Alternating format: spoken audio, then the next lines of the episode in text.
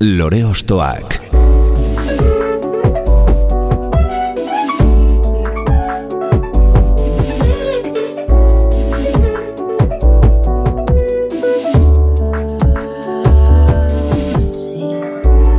Ekain perezek aurkeztuta, gonbidatu bakoitza lore bat balitz bezala ostokatuko dugu. Jakiteko, zeintzuk diren bere lore ostoak. Haupa, zer moduz, ongi etorri, lore ostoak saiora. Gaurkoan, Iban Urizar musikari elgoi bartararen imaginarioan murgilduko gara, ahots harmonizatu, autotune eta giro misteriotxuz jantzitako doinu esperimentalen konpainian. Hainbat artisten alboan musikari gisa ikusi eta entzuna izan dugun arren, bere bakarkako proiektua izango da, gure abia puntua, erritik, errotik eta erraietatik ateratzen dena. Rodrigo Amarante musikari brasildararen eta Enrique Morente kantaor flamenkoaren arteko nasketatik osatu zuen izen artistikoa, eta izenaz gain, bere musikaren atzean zer dagoen eta zea bestik elikatu duten ere jakin nahi dugu. Beraz, sargaitetzen Iban Urizarren unibertsoan. Hau, lore ostoak da, eta gaurko gure lorea amorante.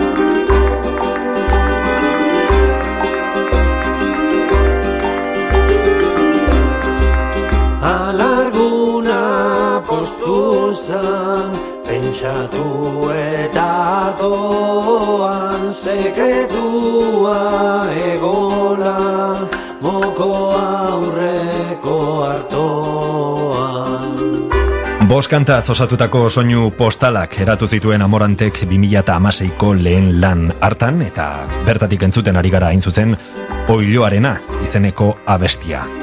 Honen atzean zegoen eta dago Iban Urizar musikaria eta gaur gure protagonista izango da. Eixo Iban, ongitorri? Eixo.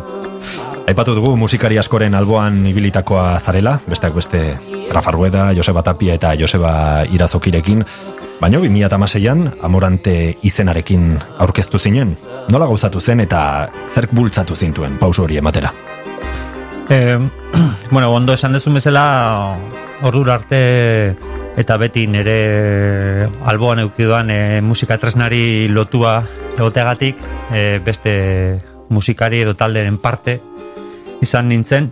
Eta bueno e, ez da eta utopiko bat izan da ere ez da ezberdina izan ba, nik baneukan zerbait bakarrik defendatzeko gogoa eta baneuskan e, abesti batzuk nire azkenengo proiektu Andrakan izeneko proiektu baten deskarteak e, izandakoak eta ez dakit, ba etxean e, lasi lasai hasi nintzen e, pixkalanean amorante izango zen nori gauzatu arte. Mhm.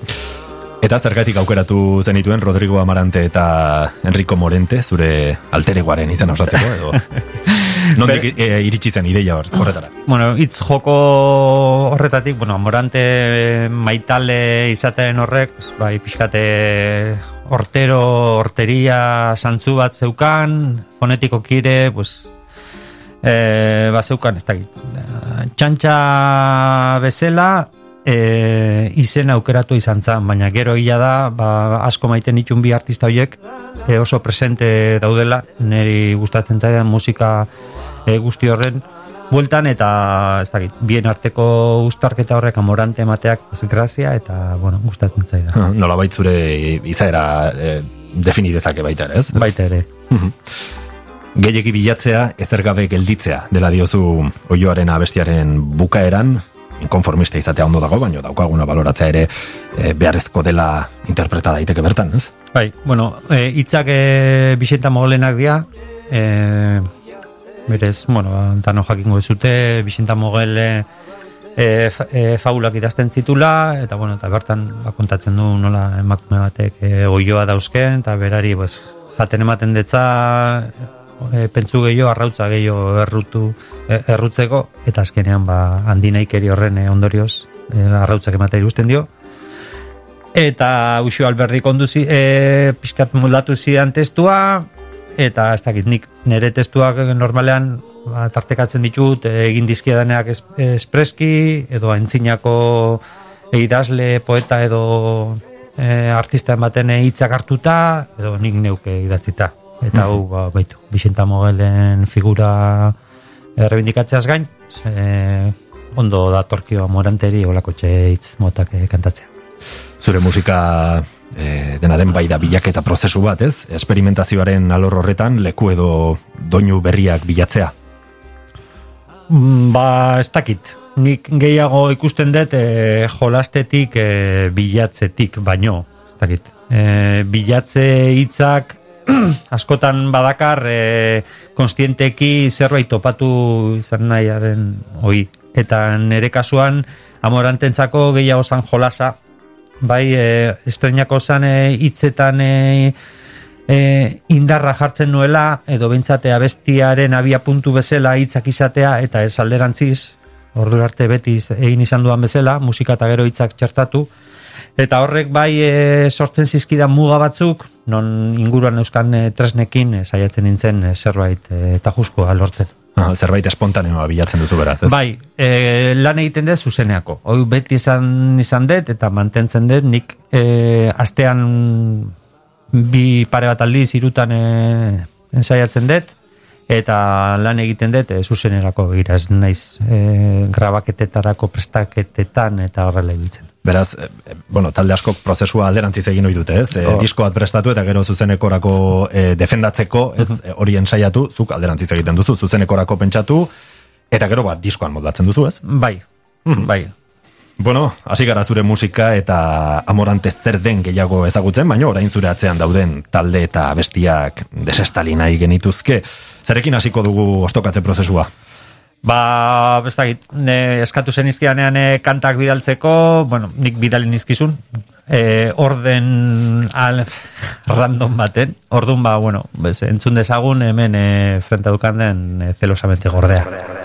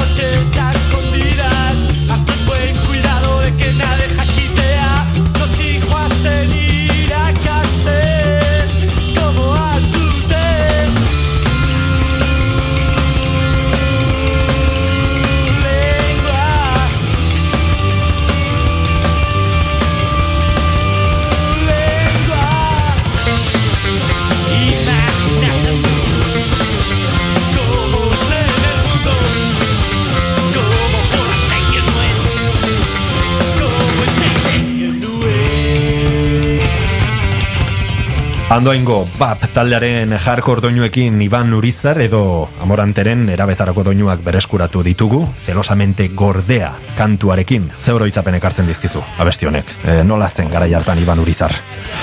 Ba, ba amezazpi urte nauzken, e, adin horrekin e, egiten diren e, gauza guztiak egiten nenbilen, lagunekin, gaztetxetara joan, e, parandan atera, musika egiten hasi, ez dakit, nahiko e, hortzaro nerabetasun arrunta, arrunta izan badaiteke izan dut, eta bap bai izan da bertako banda zona. Nostalgia puntu bat bizten dizu ez, beraz? bai. Ironikoki edo protesta moduan euskainolez idatzitako letra du abestiak, uh -huh. eta nolabait izaera propioaren galera edo dekadentzia islatzen du. Zuk naiz eta musika berritzailea egiteko edo e, joera izan, beti izan dituzu sustraiak ondo errotuta, ez?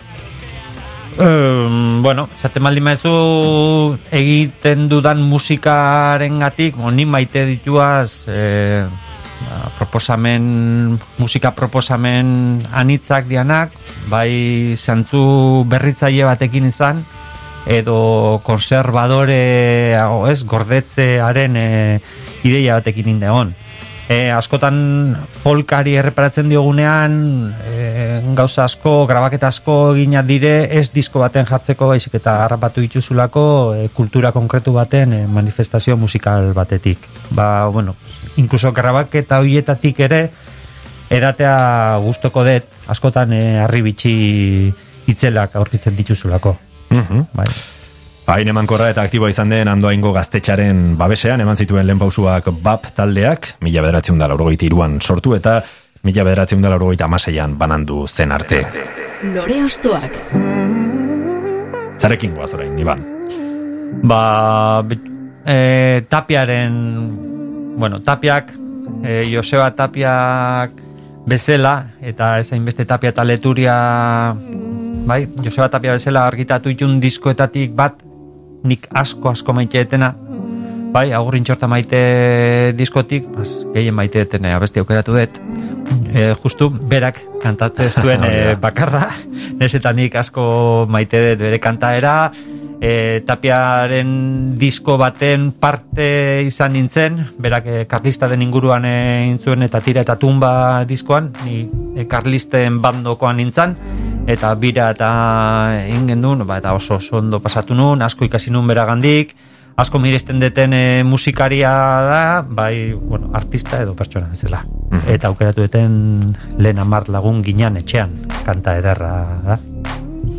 Badakizu zein den abesten duena, edo nisa e, informazioa? Bai, esan, ez kantari ezagun bat edo da, emakume bat, bueno, familiako laguna dana, e, guain izena ez zaite torriko. Hora, horrek bai ematen dio beste sinesgarritasun bat, ez? E, Gerra zibilaren testu inguruko etxe andre bat, etxeko andre baten e, paperean sartuta, ez? Bai, eta gero pues, e, melodiak badeuke antzinako tasun, ez? Ba, kutxi hori, ba, tapiak egiten ditu melodia eder asko bezala. Aha.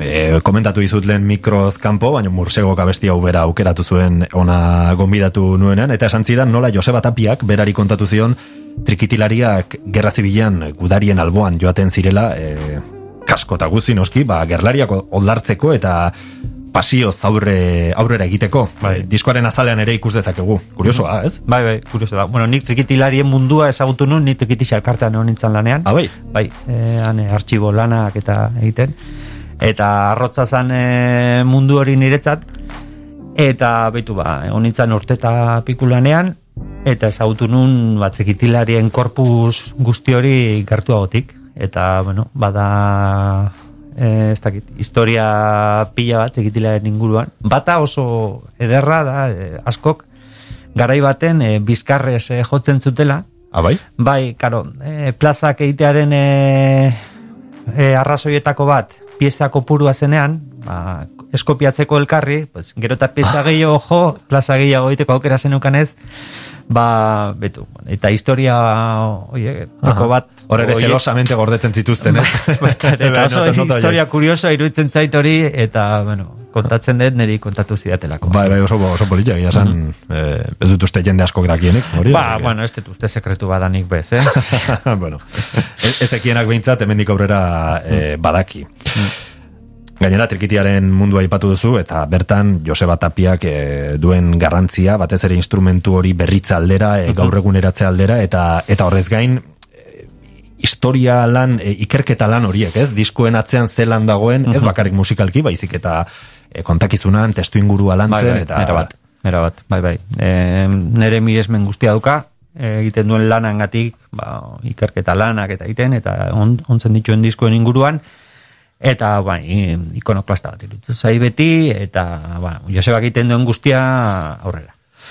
Ba, aurrera, orain ere, entzun dezagun, amoranteren urrengo lore ostoa agur intxorta maite. 2000 bateko Joseba Tapiaren disko eta ikerketa lanaren pieza bat da, lehen amar lagun ginen etxean.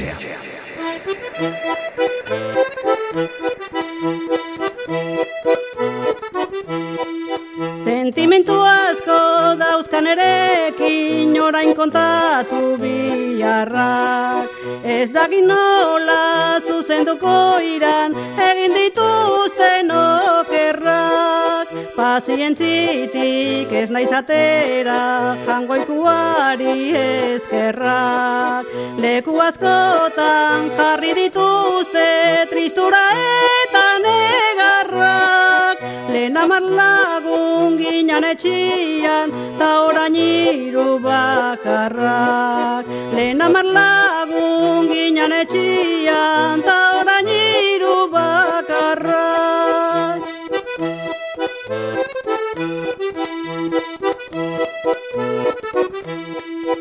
Atenzioa izan zazuten nik esan dako hitzakin. Nere bihotzik ez da postutzen dirua eta gauzakin. Ez dakigu noiz jarriko geran konsuelo eta pozakin.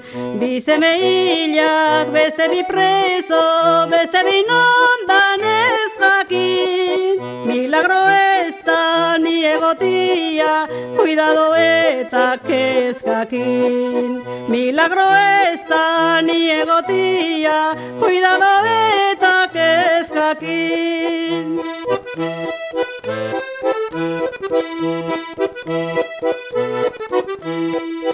Adierazi behar dizute, esango dizute zinez. Tristurantatik inola ere, apartatu alba gintez. Atenzioa izan biagu, errezo asko eginez.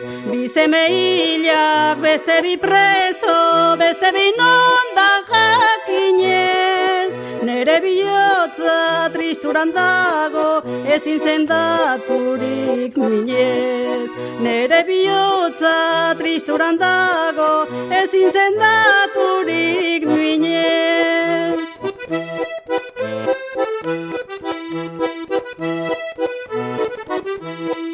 Milagru ez da pena handia izatia bihotzian Negar malkuak saltatzen zaizkit inoiz gogoratu zian. Ezeren mantxik eta batere kulpagabiak hil zian.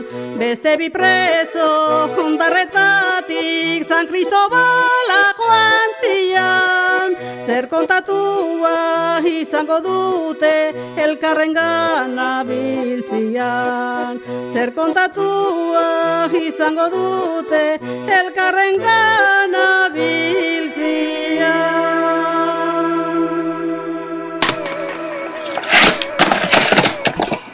Lore Ostoak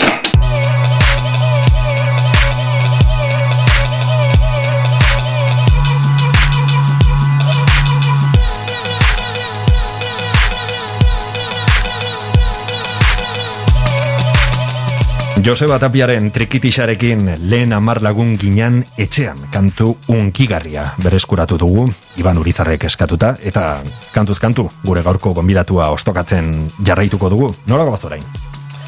E, bueno, ba, amabost urte nituenaren garaira, bai, nerabe, nerabe zarora, Aha. eta, bueno, bertan, o, hasi ginen e, lagunak eta ingurukoak eta musika ezberdina konsumitzen, eta, karo, laboaren figura oso presente zegon, eta orduan ateratako rekopilatorio edo, bai, Bai, e, Cherokee, ez? Mikel Laboren kantak izeneko bilduma. Hori da. Eta orduan, ba, bueno, han zeuden, ba, neu gorriak e, wending ikusten dut e, beraien diska atera gabe zegoela, e, zutagar, e, ba, hainbat talde zeuden, eta, karo, izen potoloen e, e, kantak ziren, ba, uretatik buru ateatzen zuten e, artean, baina hor bat zegoen e, nik asko maite nuen e, bersioetako bat, eta ama hiltzaigu abestiaren e, bersio bazan, eta bukaera taldeak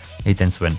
Mhm. Eta, bueno, geneukan informazio gehiagik behaien inguruan, gero oindala gutxira arte, gaina ez nun jakin, e, bertan ubeda tarrak e, Bai. zeudela, eta beitu jo, ba, ze poza, e, olakotxe talde puska, eta olakotxe kanta puska e, egitearen. Aha.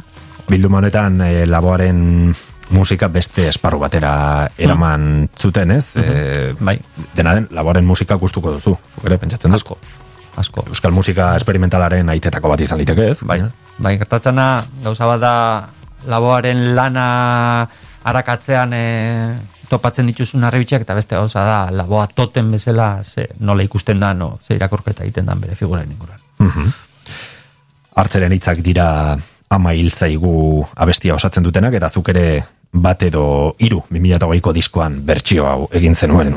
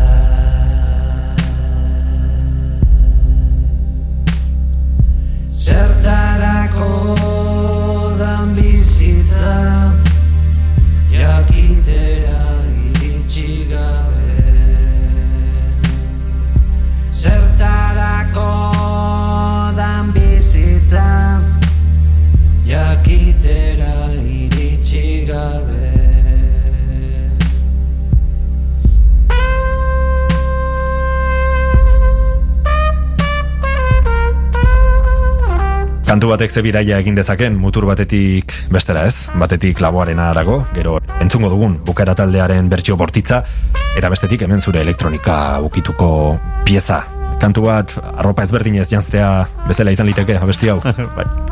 Bueno, topiko bat da, baina, bueno, kantua hona danean, Askotarako balio du, ez, edo denerako. Eta bueno, esan beharra dukat ere, izateten laboren bertsio bat egin nik ez dut laboren bertsio bat egin. Aha.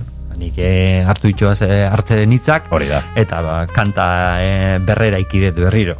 Zure arropa propioarekin jantzi duzu, zure gustokoin, bai. ez? Eta hor eh, retrovisorean edukitzen baldin bada referente bat abesti honekiko ez da lauarena bakarrik. bai, baizik eta eta kasik gehiago esango nuke bukaeraren ama hiltzaigu dela asko maite dut bertsio hori eta bai izugarri iruditzen zait. Zuk hitz hauek behintzat talde honekin xurgatu dituzu nola baitez, Bai. batez ere. Bai. Eta bukaera taldekoek distortzioz jantzi zuten. Bai, bortitzkeri hori, ez dakit. Hemen Euskal Herrian gainera punkak e, zeukan izaera estetikoa, etzan noi, beste zerbait izan.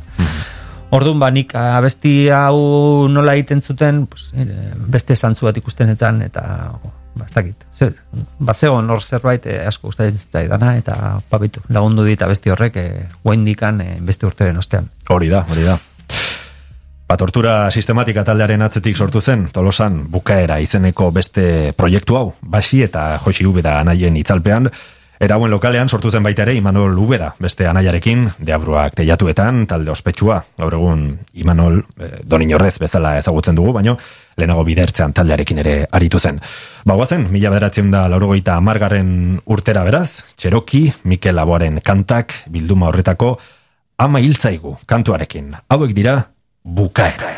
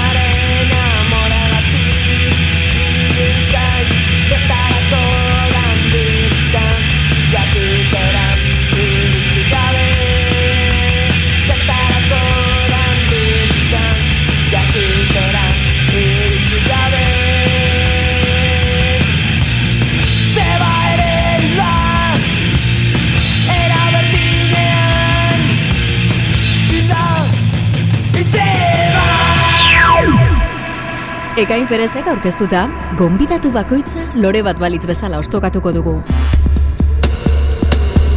Lore ostoak.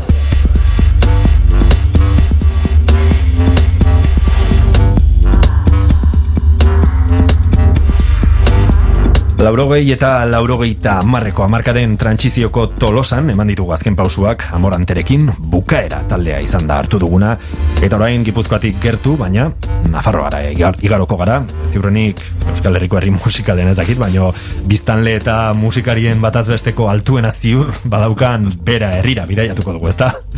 Bai, bai.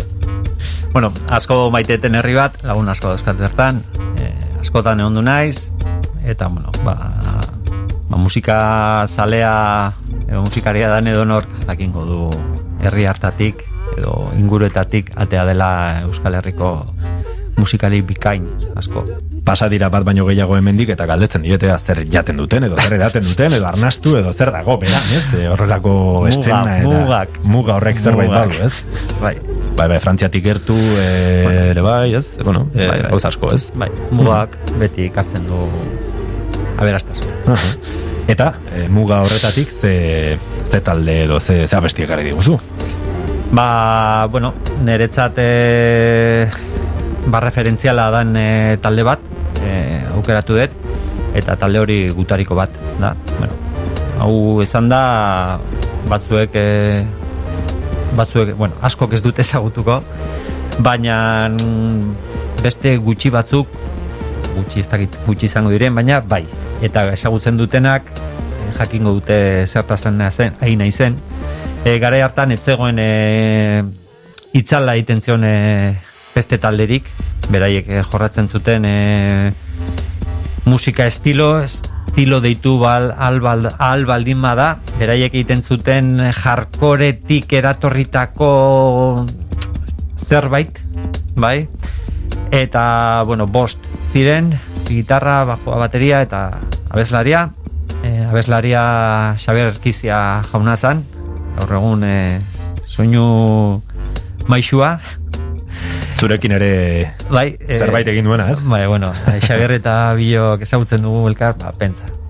Mhm. Urte asko, asko. Anekdota asko aterako ziren hortik, ez? Asko, bueno, bai, asko. Asko maite dut, asko miresten dut. E, nere nola egin un topo gutariko batekin oso kurios izan zen, nik beste talde pseudo heavy grunge baten negon, eta kontzertu bat e, lotu gendun e, bergaran, beste beste talde batekin. Bai. eta talde horren izena pues, gutariko bat zen. E, Printzipioz izenak etzigun. E, gauza gehierik esaten zertzegoen atzean e, e, ikusteko, pentsatzeko. Eta, bueno, pues iritsi ginen, nire lagun baten e, klaseko amentzan kantaria, eta ba, ba, nire gelako bate jotzen du, ez dakize, ba, ba, ba, guai, hasi ziren kontzertua jotzen beraiek. Bu. Han ikusi nuena, e, uaindikan, e, memorian oso gordeta daukat. Oso talde potentea, e, Kristoren frontmana e, zan Xavier, eta nik usten dut e, taldeak irauntzuen e, etapa guzti hori etzala asko asko izan, baina bueno, grabatu bintzat, ez zuten grabatu gehiegi, baina ez detuzte e, horrelako beste talderik zehonik Euskal Herrian. Eta badakit, e, gaur egun oso ezagunak diren e, talde batzuek, asko e, miresten zutela egiten zutena, eta referentziatzat zeukatela garaia hietan ere.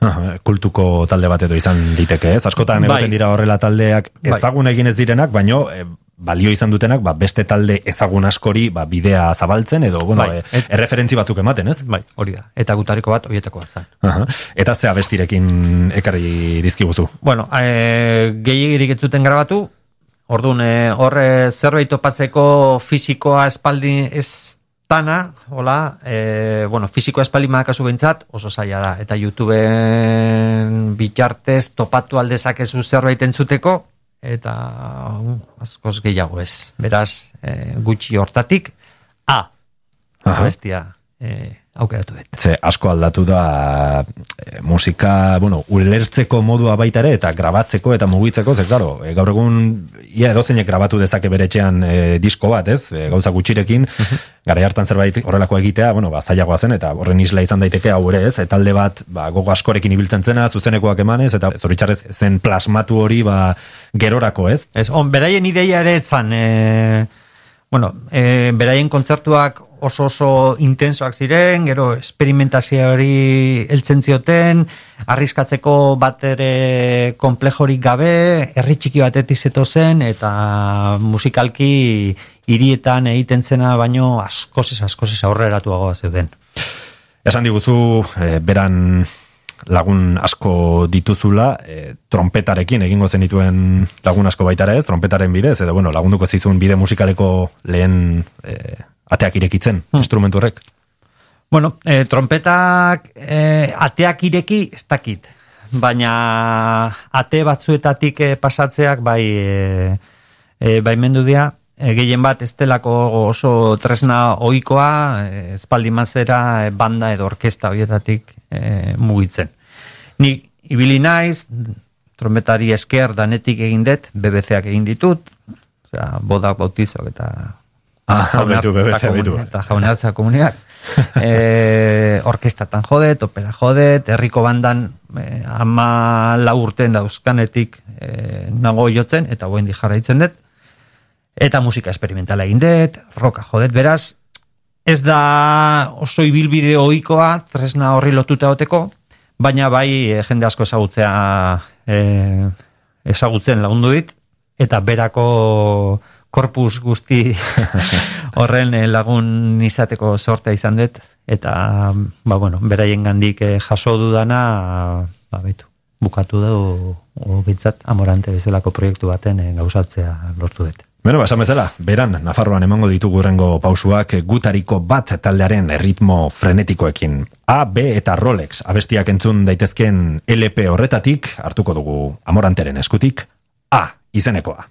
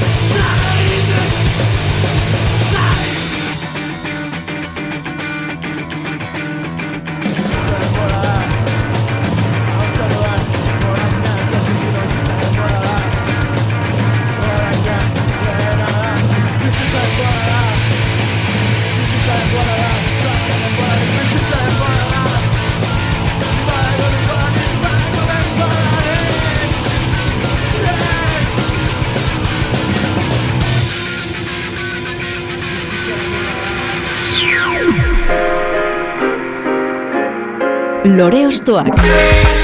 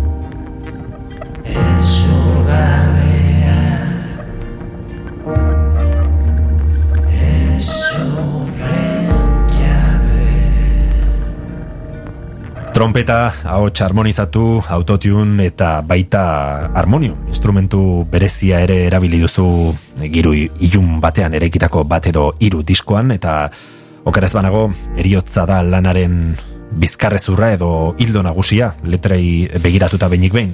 Zergaitik hartu zenuen e, gai hau? E, ba, baitu, ez nun espreski hartu disko kontzeptual gisa. Bai, gero egia da,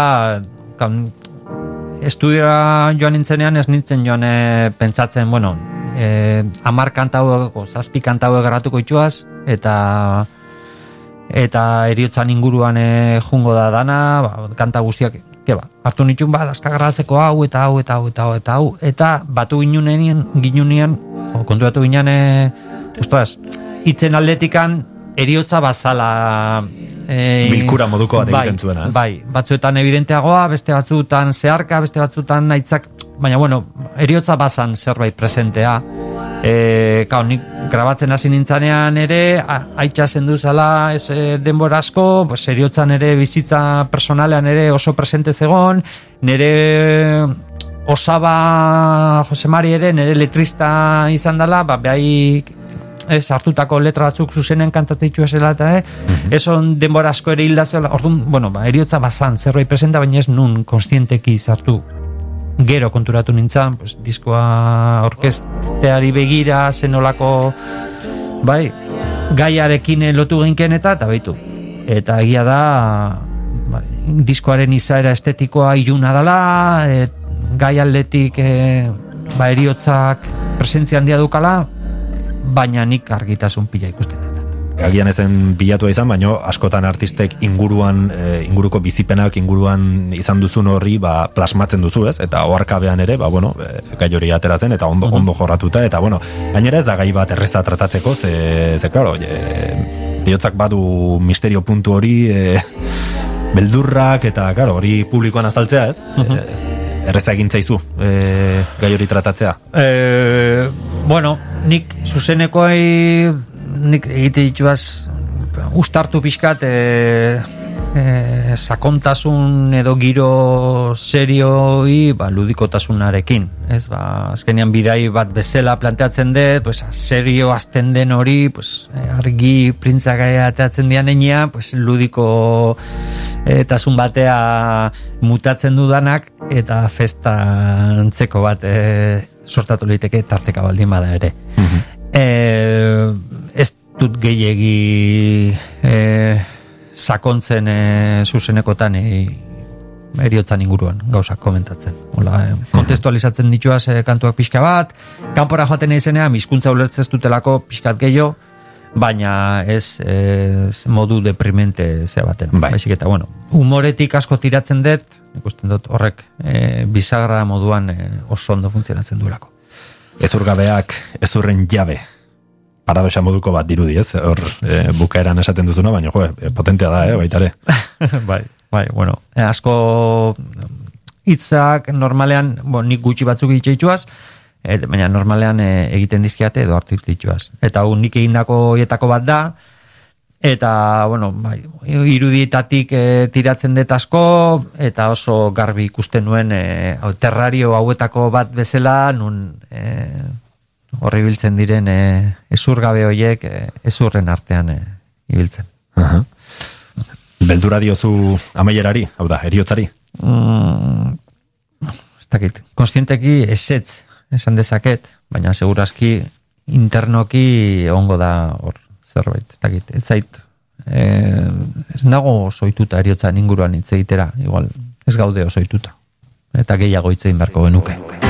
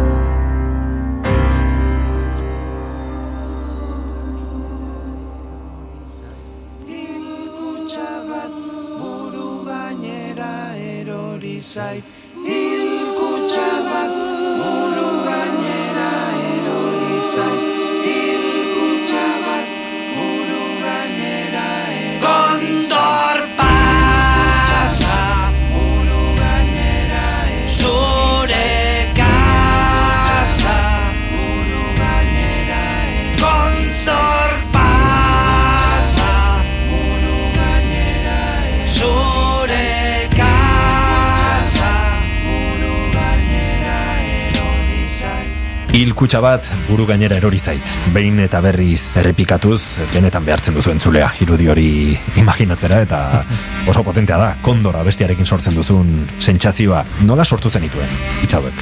Baduzu leku edo metodo konkreturen bat, eh, prozesu horretarako? Ez, e, ez da lehen aipatu izuan bezala, nahiko bizualki e, ontzen txutitzak, ez naiz oso letrista ona, ez daukat, e, oso letrista ontzat nire burua. Irudiak ikusten ditun, gero hitz jokoak asko, gustu, asko gustatzen zait, zaizkit, eta bueno, ba, kondor pasa bestiaren e, hori, eta kondor legioa Gernikaren zeruan e, pasazen e, momentu hori, bueno, hori irudikatu nahi nun, eta bizualki pues, guru, nire irudipenean gurutzatzen zidan imagin ezberdinen artean, jo, bazegon, ez dakitan e, Pink Floyden e, e, klip baten e, animaziozko The Wallen hor agertzen zan egazkin batzuk botatzen hilkutxa batzuk bezala, ez dakit, Aha. igual oker nabil da beste nun baiten ikusi dute, baina bueno, ba, irudi hori gurutzat, gurutzatu zitzaidan, da, bitu, ba, potente iruditzen zitzaidan horrela idaztea, eta funtzionatzen zuen, eta, bueno, ba, bai, posik nago. Mhm. Eta non grabatu zenuen diskoa? e, Aitor Etxebarriarekin grabatu nun, e, bere la, la mala estudioan, Mhm. Bilbon, bere etxean. Eta proze, prozesua nola izan zen, edo zuk e, ideia bat ematen zenuen, e, berak sartzen zituen e, arreglo batzuk, edo Be- no- nola moldatu zineten? Bueno, nahiko naturalki. E, kantua nauzkan hola aukeratzeko ez gehiegi, zantzio, bezala zuzenerako lan egiten detelako, orduan, e, ba, zuzeneko kanta horiek nola moldatu diskorako pues, tresnak eraman, eta venga, hau sartuko dugu, hau ingo dugu, beste ingo dugu, eta nik e, bazten ginen e, eraikitze prozesu baten. Ba, kanta jo, ba, bizkarrezurra da hau, bale? Bizkarrezur hori jarri. Funtzionatzen du? Bai, zerbait falta zaio? Gutxi.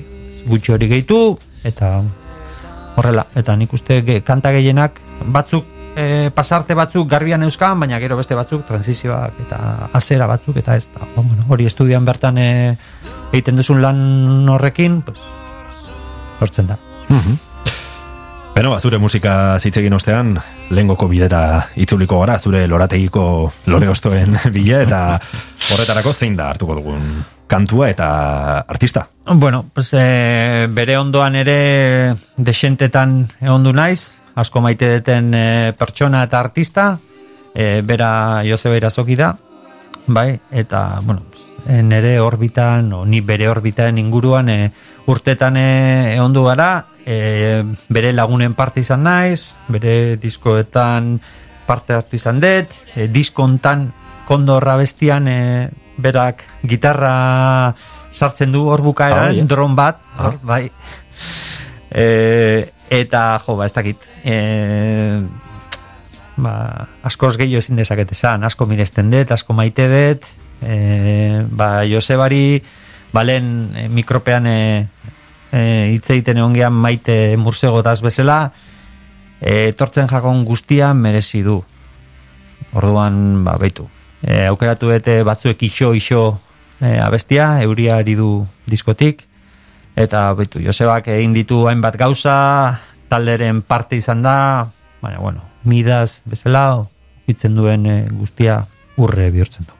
Bai, gitarista parte izateaz gain badu ikasi ezin daiteken gauza bat, aura berezi hori, ez? e, beste estilo batzuetan esan ohi den moduan duende edo flow berezi bat, ez? Bai. Badu zerbait, esaten duzu, ez? Ukitzen duena, ba, e, ba berezi egiten Bai. duela, eta zerbait interesantea sortzen duela, ez? Bai, bai, Joseba maixua da, eta maixuei utzin bertzaie. Eta ze derra dena besti hau, Bai, benetan baiet. batzuek iso iso. Bai, bai. Aipatu dugu lehen pertsonalki ezagutzen duzula, bueno, e, Joseba Irazoki eta lagunek, lagunaken ere parte zara, okerrez banago, ez? E, izan nintzen, Izan bai. zinen. Bai.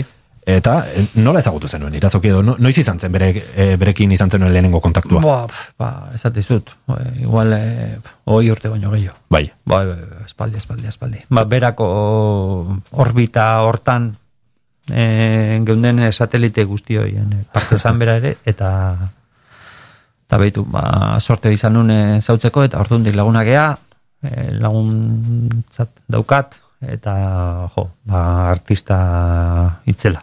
Itzela, benetan.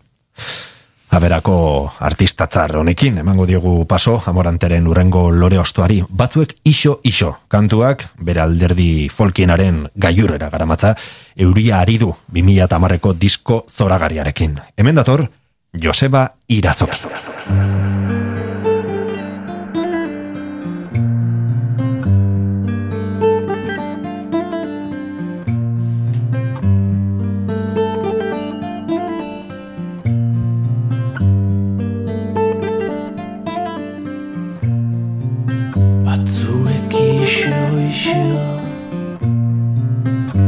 Poate că așa, așa Au comediești ca așa Chiar rare într-un ca așa Iște ne stai rașia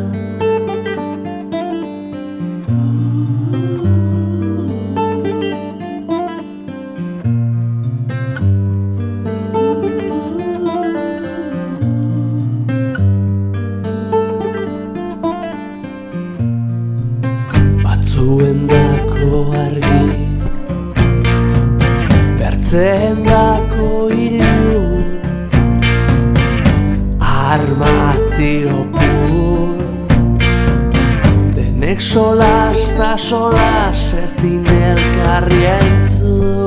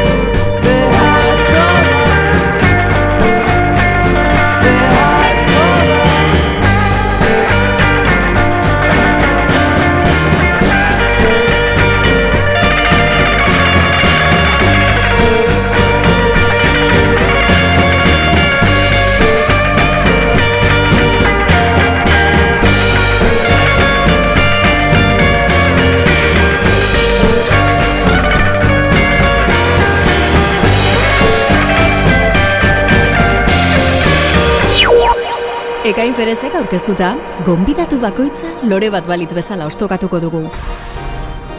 Lore ostoak.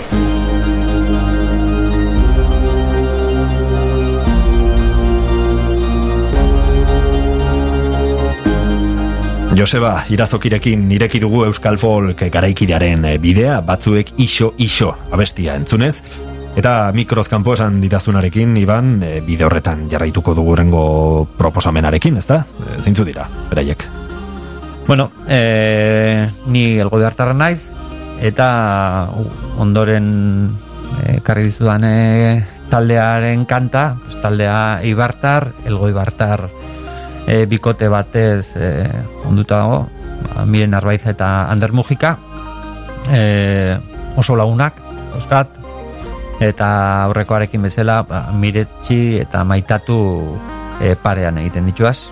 Bai, e, ba, miren bere, guain bere ibilbide, mize bezalako bere ibilbide e, bakarkako ibilbide erraloi horrekin, eta Ander, ba, bai anariren gitar jole bezala, edo testura, edo, Hori da. bueno, ez dakit. E, Ba, ez dira geldik egoteko Ez, ez, Beti badute zerbait, ez? Eskaintzeko. Eta, jo, eh, Ander adibidez, eh, zelesko gitarristari iruditzen zait, osea, eh, gusto handiko musikaria, eta egiten duen eh, guzti horrekin, jo, ba, beti aurrea, bai.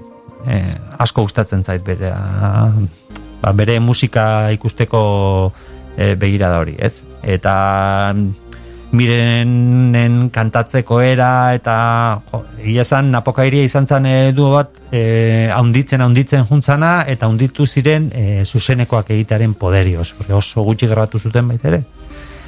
Eta e, iruditu zitzaidan o iruditu zitzaidan bueno iruditu zait eta iruditu zitzaidan mugimendurik e, e, potentena izan zen e, grabatu zuten diskarik haundiena eta e, ederrenan ostean ustea.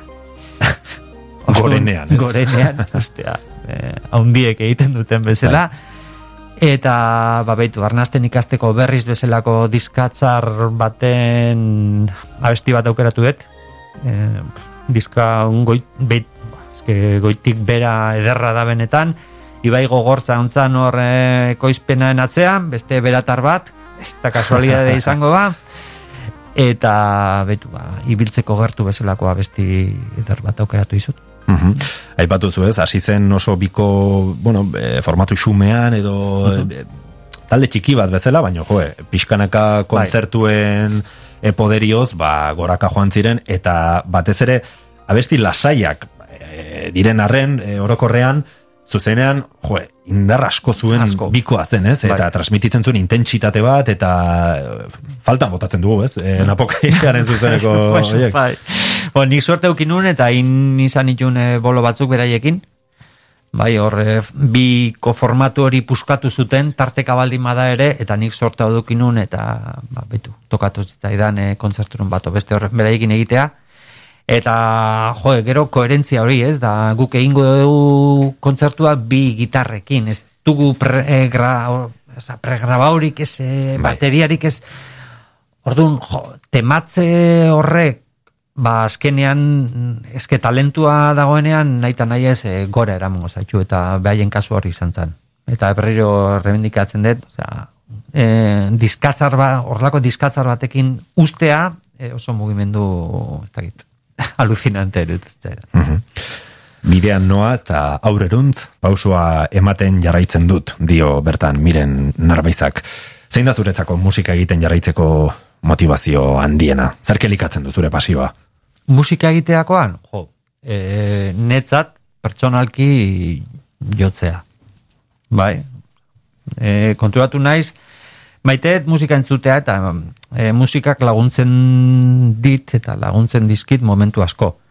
Baina musika jotzea da nire motore, motorea, pakarra, esango nuke. Adrenalina hori edo Bai, bai, ez dakit. Ultzara- zerbait berria sortzearen eh, sentsazio hori? Ez, ez duzte zerbait berria sortzearen e, zea dani, porque ez dut, e, ez dut nire buru ikusten berritzaile bezala. Bai, koherentetzat e, ikustearekin ja badaukat, e, ja konformatzen naiz. Koherentean nire izaerarekin esan nahi dut, eh? nire gustatzen zaizkidan gauzekin, eta e, ez dakit. E, nire motorea musika zuzenean jotzea da. Mhm.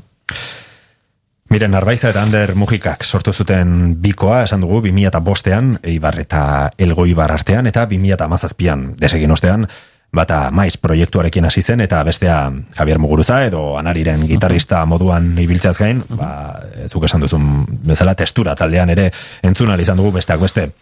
2008ra egingo dugu atzera, Napoka iriaren azken diskoko arribitxi hau entzunez. Ibiltzeko gertu.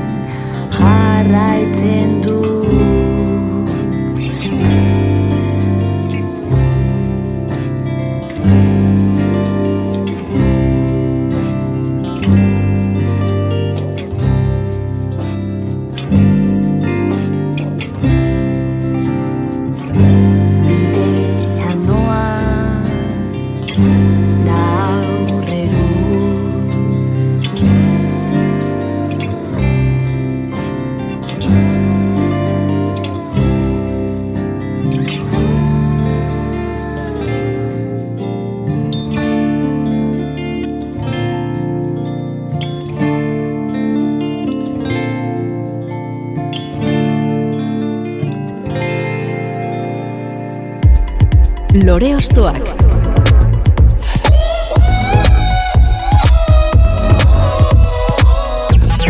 Plazera izan da, beste behin napoka iriaren doinuak entzutea, ibiltzeko gertu kantu borobilarekin. Eta gu ere, ibiltzeko gertu gaude, pausoa aurrera emanez, amorante edo Iban Urizarren urrengo proposamena ezagutzeko. Bueno, e, nire urrengo proposamena e, ba, lehen e, aipatu da Joseba Tapia e, tartean dago eta beste euskal musikaren toten bat baita ere. E, bueno, ia esan hiru ziren e, eta trukuak egiten zituzten hiru truku izenpean e, Ruper Ordorika, Joseba Tapia eta Vicente Martinez e, Oskorriko musikari handi hori.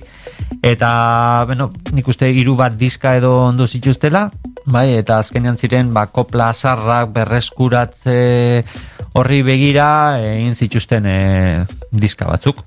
Eta bueno, ba, nik aukeratu dudan e, kanta e, Nafarroako kantau zaharretatik e, kantu zaharrak diskotik hartu dut eta azkenengo kanta uste dela nauna nauna jin. Non, ez dakit zer esan nahi duen, baina benetan diskoi, diskorri buelta asko eman dizkiot, eman nizkion, eta beitu, azken aldian berriro hartu diot, eta horregatik ekarri dizut eh, azken kanta hau, asko maite etelako.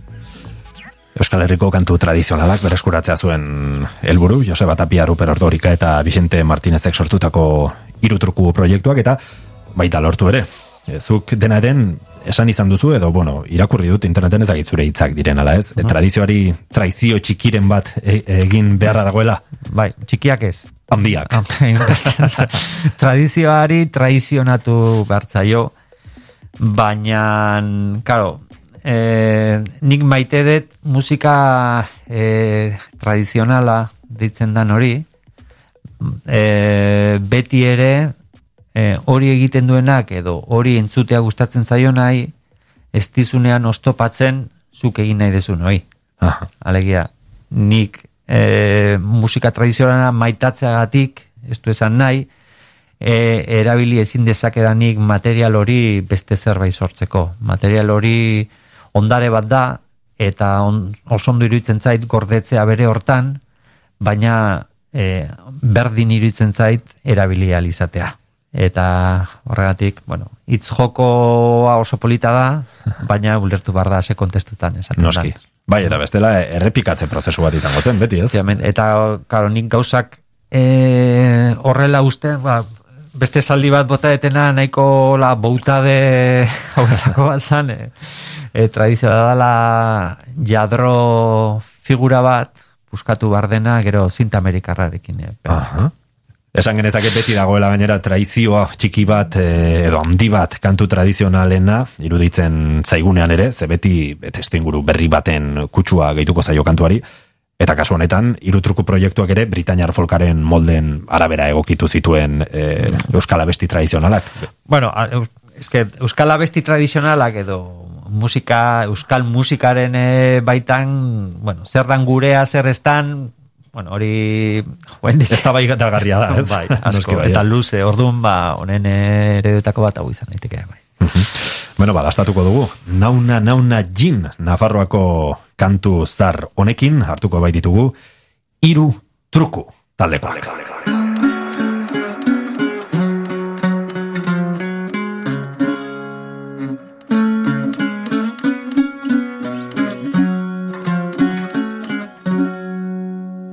Nauna, nauna, gin, prineta xarmanta Nerekilan baratzera, promenatzera Bildu entinaguen saladeriak Artixotak eta piperberdiak Biba, biba, arnona eta modio.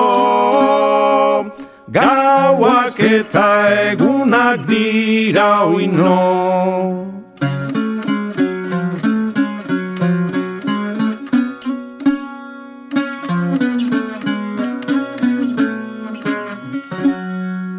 Gorte egin dirot blonda charmant bati Sekula izanen dudanez ez dakit.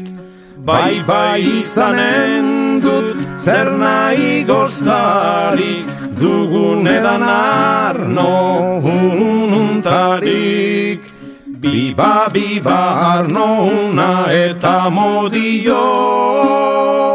Gauak eta egunak dira oino Biba biba arno una eta modio. Gauak eta egunak dira oino. Nauna, nauna, jintrin eta charmanta Nerekilan baratzera, promenatzera. Lore Ostoak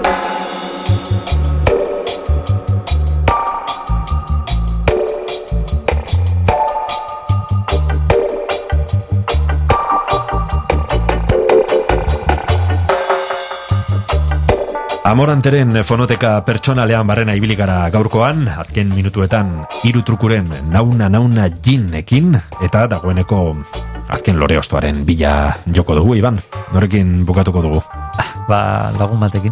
Abai, Bai, e, bueno, gaur e, osto hauek e, lagunen artean e, ibili dira, eta bueno, ba, hola izan da nere aukera, eta inigoren, inigo ugartebururen e, kasuan, ba, beste hainbeste. Mhm, eta konta iguzu, e, nor da inigo buru edo. Bueno, inigo arteburu zaraustar, Londresen bizidan zaraustar bat, e, aspaldi ere, ba, eta gila zemat urte elkar zeltzen dugula, oitik gora, eta betu kafe teatro izeneko taldean e, elkarrekin e, ondo inan, eta bueno, ba, beste aurretik aipatu izkizudan musikari eta lagunekin bezala, honek ere ba, e, iten guztiak e, betetzen ditu, miresten dut izugarri, bere musikarekiko daukan ikuspegia, eta maite dut izugarri, lagun bezala, beraz, ba, ezin bestean, ekarri dut, beak bi disko argitaratu ditu bakarka, e, inigo ugarte buru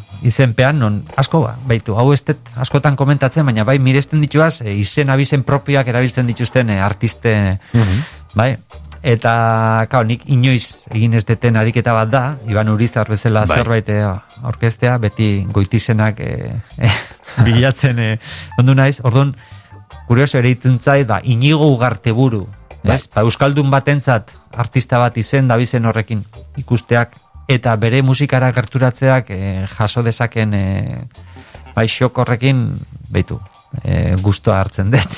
Bai, badu agian ausardia puntu bat, edo ez? Edo, Bueno, berak, eh, tontakeria bat irudi, baina, bueno. E, bai, beran naturalki egiten dan zerbait da, ez? Ba, zure izen abizen pean argitaratzea, baina, klaro, ez dakit, beti, ez, ba, ze izen jarri proiektuari, o taldeari, dana dela eta, pues, olako txetan, bai, ba, lehen aipatu gun Joseba Tapia, Joseba Zoki, ba, Rafa Rueda, e, ez dakit, Bai. Inigo Garte buru, eta, karo, hor kuriosena da, izen abizen horren atzean zer dagoen, ez dakizula, Ja. edo zer gauza topa zeinke. Eta inigo gartebururen bidizketan topatuko ezuna da urrea. Osea, marabila bat, bai bata eta bai bestea.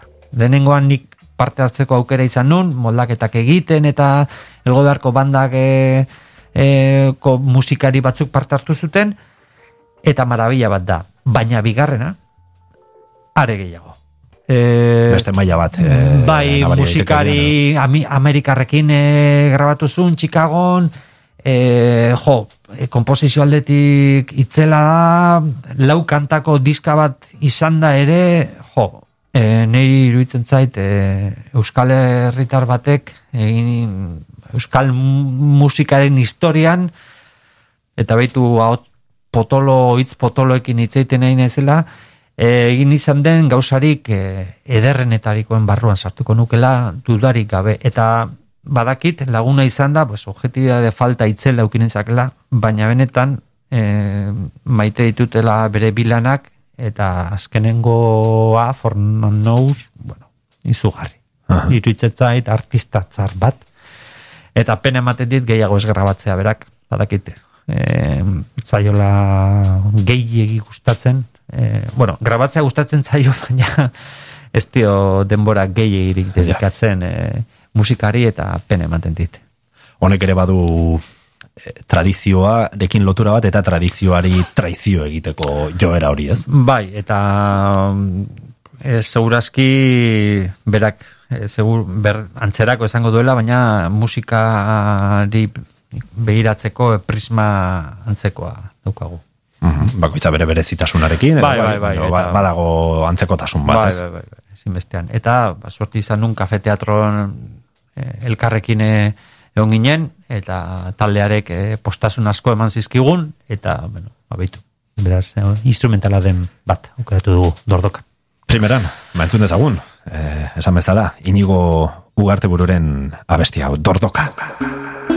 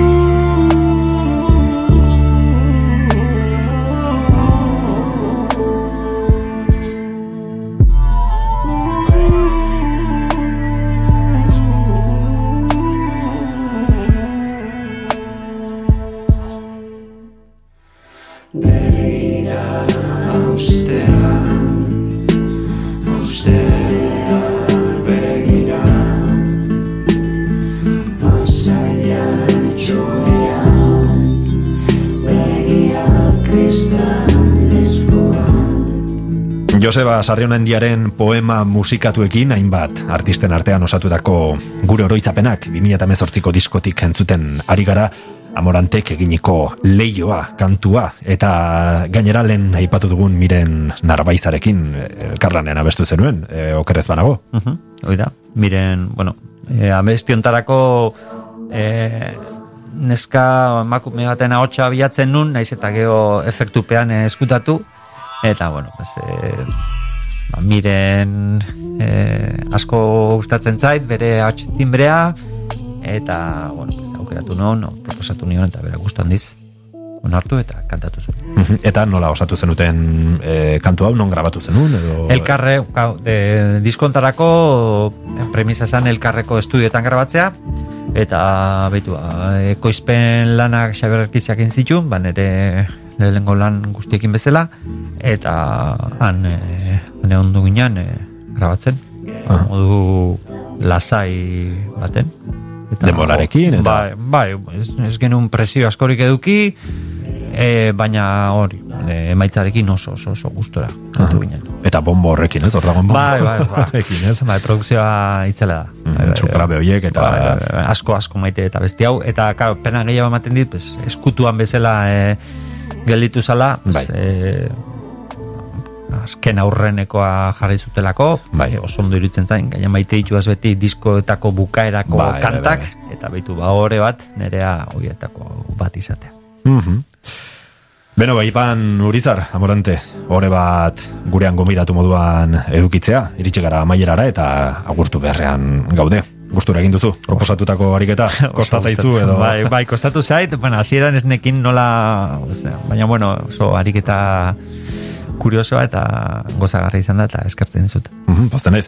Bazorte hon, hemendik aurrerakoarekin eta segi musika, bueno, ez dakit esploratzaile lanetan edo behinik behin e, gustuko duzuna egiten eta lurralde berri edo, bueno, lurralde ezberdinetara gure belarriak ematen gu atzetik jarraituko zaitugu, vale? Eskerrik asko, Iban. Estimatzen da.